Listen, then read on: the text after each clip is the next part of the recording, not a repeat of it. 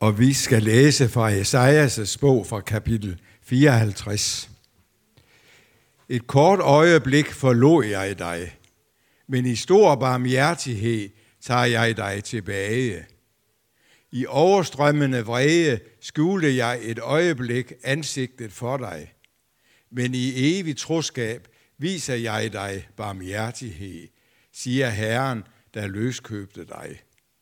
For mig er dette som Noras dage, som jeg dengang svor, at Noras vandflod ikke skulle komme over jorden igen. Sådan sværger jeg nu, at jeg ikke vil blive vred og true dig. For bjergene kan rokkes, og højene vakle.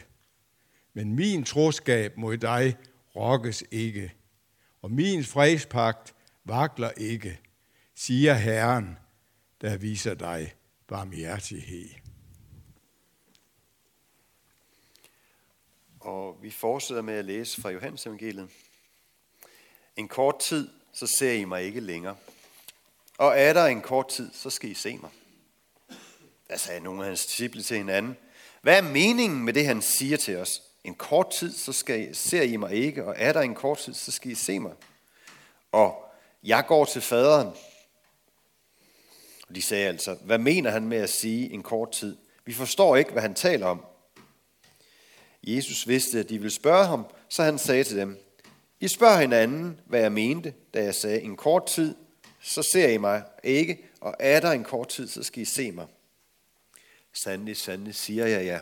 I skal græde og klage, men verden skal glæde sig. I skal sørge, men jeres sorg skal blive til glæde. Når kvinden skal føde, har hun det svært, fordi hendes time er kommet. Men når hun har født sit barn, husker hun ikke mere sin trængsel af glæde over, at et menneske er født til verden.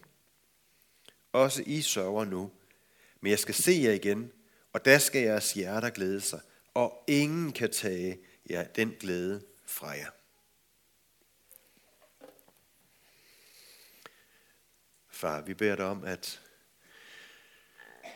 at du må åbne vores ører, så vi kan høre, hvad du vil sige til os i dag. Du må åbne vores øjne, så vi kan se dig i ordet. Og at du må åbne vores hjerter, så det trænger helt derind, hvor det virkelig betyder noget. Det beder vi dig om. Amen.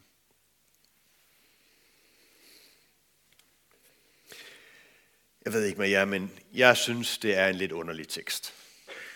Den kører nærmest i cirkler. Syv gange kommer det her en kort tid. Og måske passer måden, som teksten sådan bliver fremstillet på, rigtig godt med selve indholdet i teksten. Fordi disciplen er forvirret.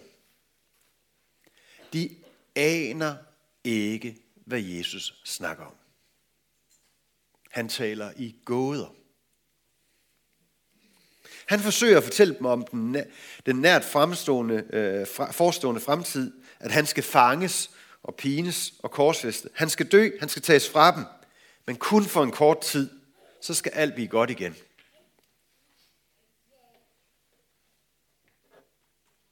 Og 10 vers senere, så slutter samtalen så også af med, og det er lidt uden for det, vi egentlig har lige her i teksten, med at disciplinen virker afklaret. De siger, nu taler du lige ud og bruger ikke billeder. Nu ved vi, at, alt, at du ved alt, og ikke har brug for, at nogen spørger dig. Derfor tror vi, at du er udgået for Gud. Men selvom at de tilsyneladende går afklaret fra samtalen, så afsløres det allerede nogle få timer senere, at de overhovedet slet ikke havde fanget budskabet. For det første, så kommer det fuldstændig bag på dem, at Jesus skulle fanges, forhøres og henrettes. Og for det andet, fordi de blev fyldt af mismod, og de forventede, at det hele var slut med, at Jesus lå lød og begravet. Det er selvfølgelig nemmere for os at se det i et større perspektiv, fordi vi ser langfredags forvirring og smerte igennem påskemorgen. Igennem opstandelsens briller. Men helt ærligt, det er da en underlig tekst. De andre evangelister de beskriver også, hvordan disciplerne ikke forstod Jesu hensyn til hans død. I Markus der står det, at Jesus sagde til disciplen, menneskesønnen overgives i menneskers hænder, og de skal slå ham ihjel, og når han er slået ihjel, skal han opstå tre dage efter. Men disciplen forstod ikke, hvad han sagde, og de var bange for at spørge ham. Altså, det er jo meget, meget mere klart og tydeligt. Så hvorfor beskriver Johannes det så forvirrende, så snørklet? Og måske endnu vigtigere, hvorfor er denne tekst vigtig nok til at blive udvalgt som en prædiketekst i kirkerådet? Der må have været nogen, der har set, jamen Hovstad, der er en værdi i den her tekst, som vi ikke har, hvor det bliver kommunikeret mere klart og tydeligt.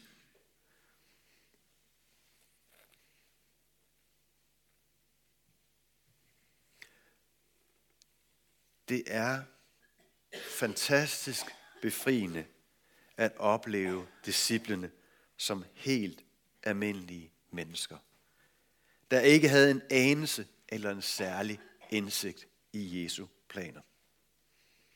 Og i den scene, der var de ikke noget særligt. Forstået sådan, at de var ligesom dig og mig.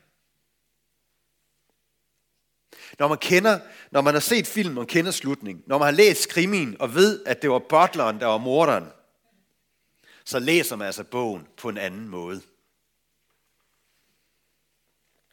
Når vi har fået prædiket Jesus, om Jesus sejr gennem korset og sunget lovsang igen og igen om hans opstandelse, så er det virkelig svært at sætte sig ind i disciplernes sted. Jo, vi kan godt med vores hoved forstå deres situation, men vi kan ikke for alvor føle desperationen fredag morgen, hvor disciplenes håb langsomt og sikkert siver ud mellem deres fingre, mens de forgæves forsøger at holde fast i de sidste dråber, indtil han hænger døende på korset. Vi kan ikke for alvor føle sorgen og mismodet lørdag, hvor ham, som de har sat deres liv til, var forsvundet for bestandig. Alt, hvad de havde været igennem de sidste tre år, var spildt. Alt deres håb var tabt.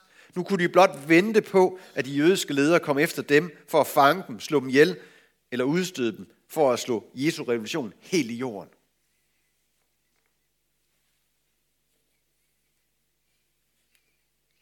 Men Jesus forsøger at male det klart for os, for forvirrende det måtte have været for disciplene, når Jesus forsøgte at forberede dem på det paradigmeskift, der var i færd med at skulle ske.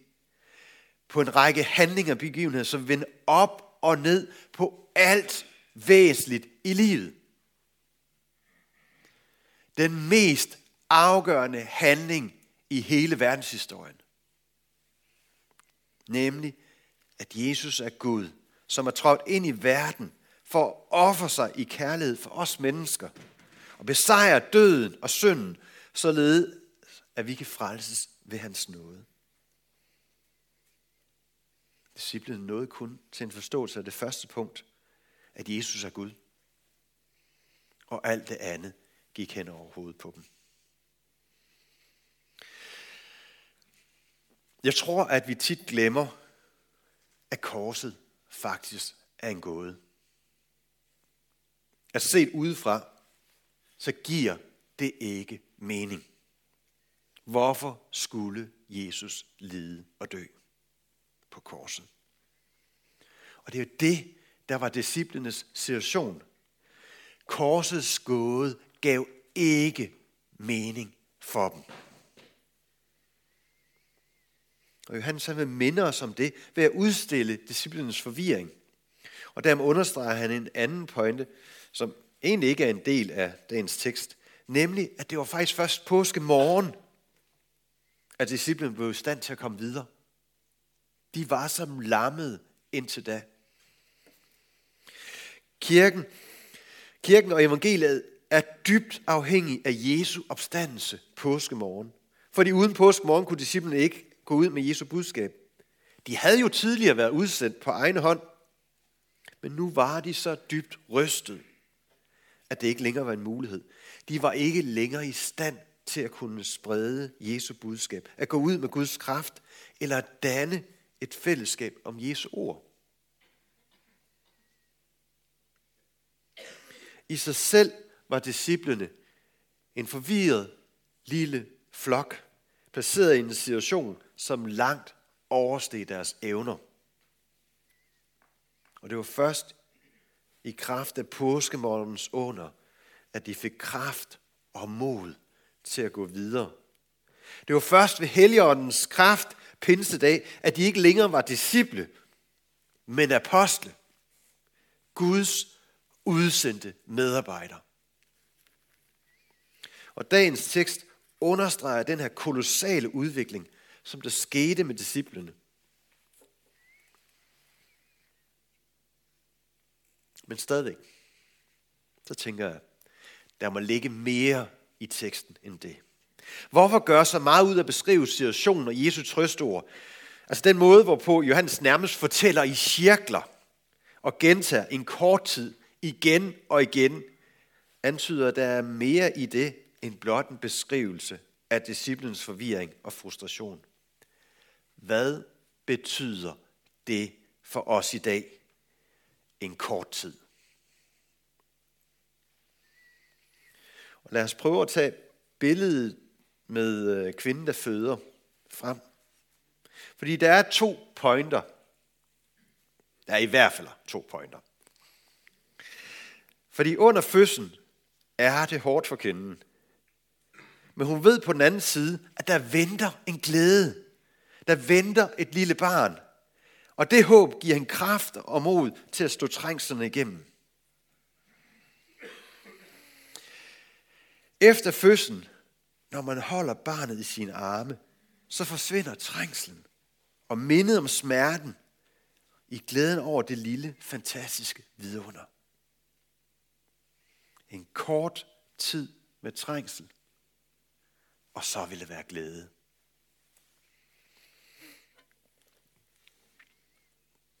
Med profetierne i gamle men der er der som regel flere niveauer øh, i det. Når David han får at vide, at en af hans efterkommer vil bygge Guds et hus, der skal stå til evig tid, så handler det både om Salomo, altså hans søn Salomo, som helt konkret byggede templet. Men det handler også om Jesus, der ligger så at sige flere niveauer i ordene. Og jeg tænker, at vi skal opfatte Jesu ord om en kort tid på profetisk vis til at have både et budskab til disciplene dengang og et budskab til os i dag. Og til disciplene var det meget konkret. Om en kort tid, det vil sige i morgen, så bliver blive taget fra jer, og I vil sørge, men om endnu en kort tid, så skal I se mig igen, og I vil glædes. Det var sådan det direkte budskab til disciplen, som de meget tydeligt ikke fangede, men det, øh, det, det ville vi heller ikke have gjort, hvis vi havde været i den situation. Men for os, der er budskabet faktisk det samme. Vi hører hjemme hos Gud. Om en kort tid, så skal vi være der. Om en kort tid skal vi være hjemme. Så hold ud, når du møder trængsel og modgang. For det er kun en kort tid før at vi skal være hjemme, hvor vi hører til. Eller som Paulus skriver i Rombrevet 8. Jeg mener nemlig, at lidelsen den tid, der nu er inde, er for intet at regne med mod den herlighed, der åbenbares. Det var Paulus måde at sige en kort tid.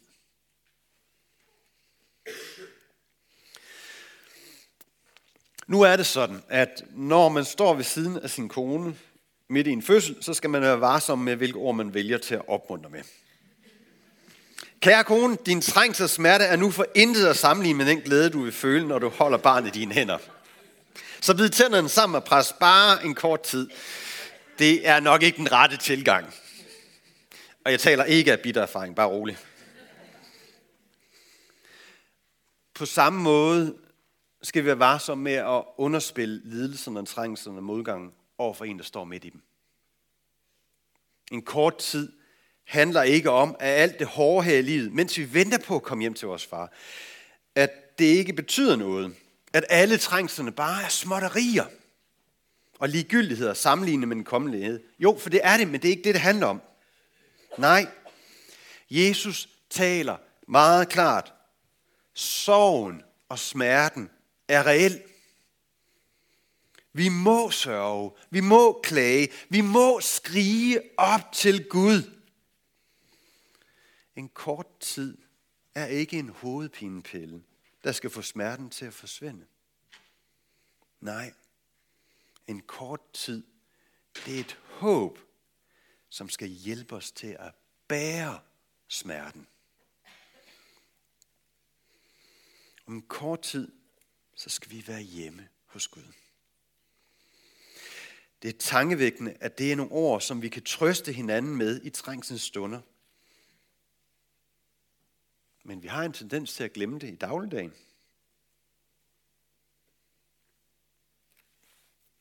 De første kristne, de levede med en gennemgribende opvisning om, at de kun havde en kort tid, før Jesus kom igen. Og det var blandt andet en motivationsfaktor i forhold til mission. De var nødt til at komme afsted i dag, for hvem kunne vide, om det var for sent i morgen? De havde travlt, fordi Jesus han kom snart igen. Og verden er stor. Så det var simpelthen bare med at komme ud af starthullerne. Hvad nu, hvis du fik en klar og tydelig besked af Helligånden, eller Jesus, der viser sig en drøm, Jesus vil komme igen om fem år, fra i dag af. Uden tvivl. Det var helt sikkert, det ville være sådan. Hvad så? Hvilken tanke vil først rende igennem dit hoved? Der er så mange mennesker, jeg ikke har nået at fortælle om Jesus. Eller, der er så meget, jeg ikke har nået at opleve endnu.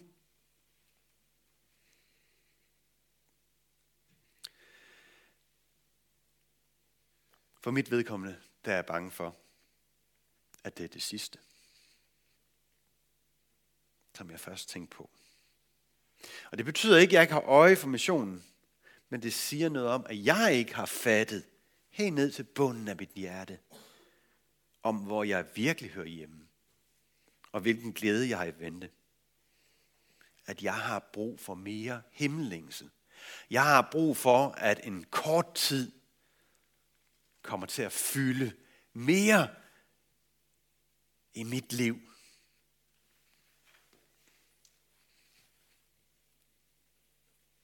Efter sine så blev Luther stillet spørgsmål. Hvad vil du gøre, hvis Jesus kommer igen i morgen? Og så skulle han have svaret, at han vil plante et æbletræ. Jeg synes, det er et fantastisk svar. Det er fordi, det virker nærmest, at tager et spørgsmål, og så slynger det fuldstændig i en anden retning, og, og tænker, hvad verden gør her? Men der ligger faktisk to gode pointer i det her. For det første, Luther han vil handle ens, uanset om Jesus kommer igen i morgen eller ej. Han vil ikke ændre adfærd eller opførsel, bare fordi Jesus er på trapperne. Det er da ikke et udtryk for ligegyldighed, men et udtryk for, at han allerede levede som om, at Jesus vil komme igen i morgen. Der var ikke brug for radikale ændringer lige før lukketid. Det var bare business as usual.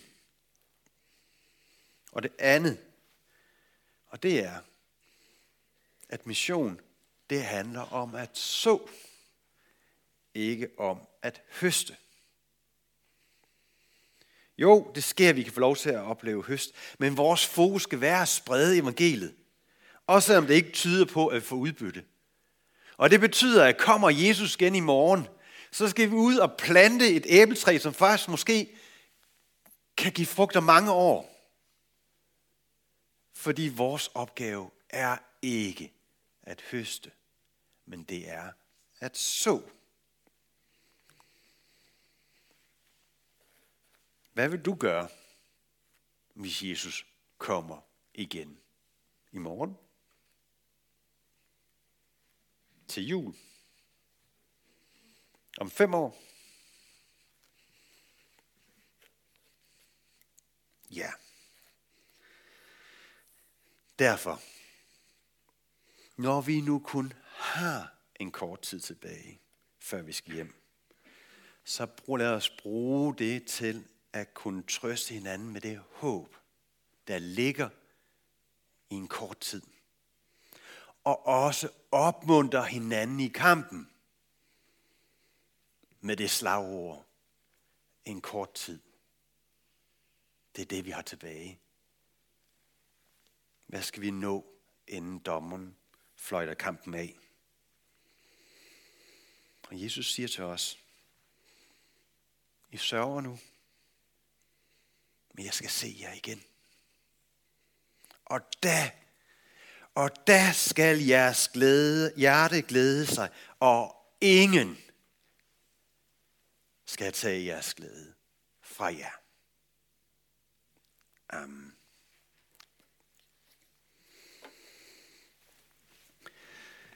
Vi vil nu bede en fælles bøn, og vi gør det på en måde, jeg beder først lidt, og så holder jeg pauser, og så kan du selv lægge det til, som du føler, der er behov for. Jesus, vi takker dig for fællesskabet omkring gudstjenesten her i dag. Tak, fordi vi kan samles her og tilbede dig. Styrk du os i indbyrdes kærlighed.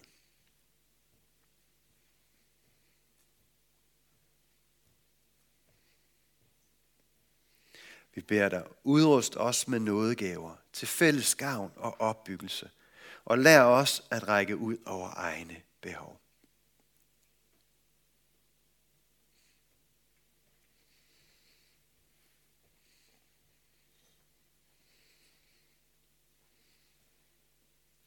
Vi beder dig for menighedens børn, både de fødte og de ufødte. Beskyt du dem og lad dem vokse op i troen på dig.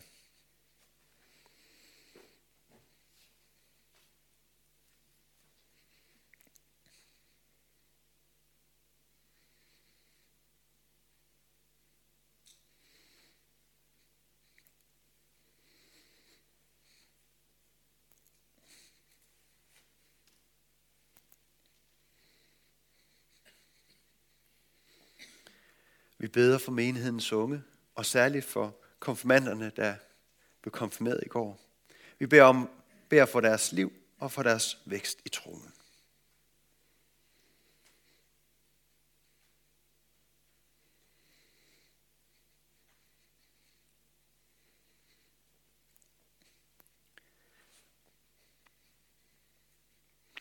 Vi beder for Kirsten i Israel, Sofia i Tanzania og Karoline i Grønland, som er sendt ud for at være dine hænder derude.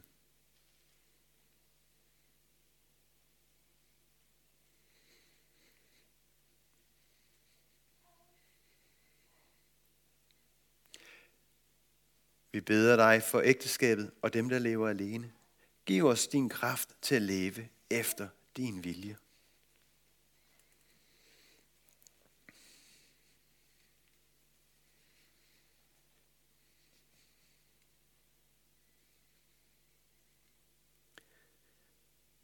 Vi beder for Skjernby og omegn, at du, Jesus, må blive kendt, troet, elsket og efterfuldt.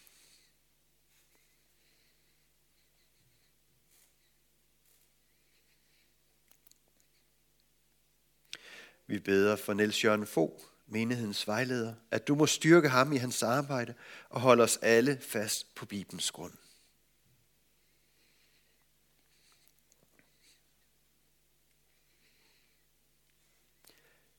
Vi beder dig om, at du vil være nær hos alle, der er ramt af sorg, sygdom og lidelse.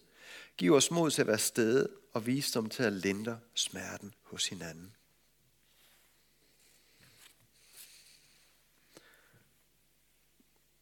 Og hør os, når vi i stillhed hver især beder for en, vi kender.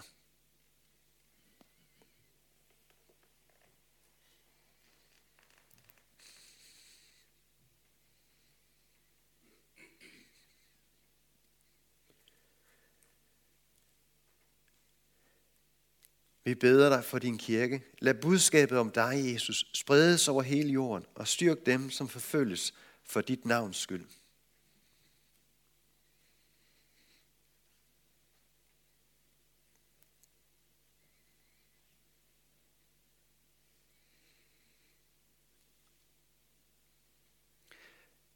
Vi beder for vort folk, for alle, der er blevet betroet magt og autoritet. Hjælp dem og os til at værne hinanden mod uret og vold, og kom så snart og gør alting nyt. Amen.